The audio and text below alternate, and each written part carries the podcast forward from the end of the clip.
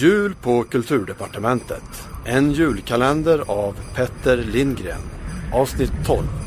Barder och bakrus.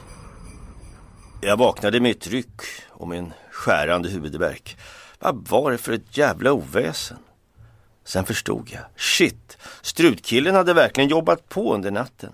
Källan till ljudet var inget mindre än det första exemplaret av Svensk Folkmobil. Förläggareföreningens fasa, bokskottens baneman. Med talfunktionen påslagen och Pelle Näver på max. Si torpare Magnus i Pungavränga, det var allt en skidige gubbe det. Vilken pjäs. Bara 2200 gram, gastade strutkillen över larmet. Ja, helt handlöd och med fina gamla rör från telefunken i slutsteget. New Old Stock, som vi säger i branschen.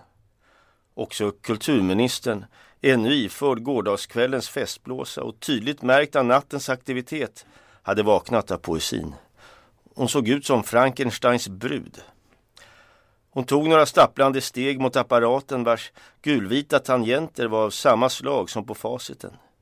Dockögat stirrade mot henne ur frontpanelen i grön hammarlack. Det sökte kontakt. Eh, sedan kräktes hon i monstren.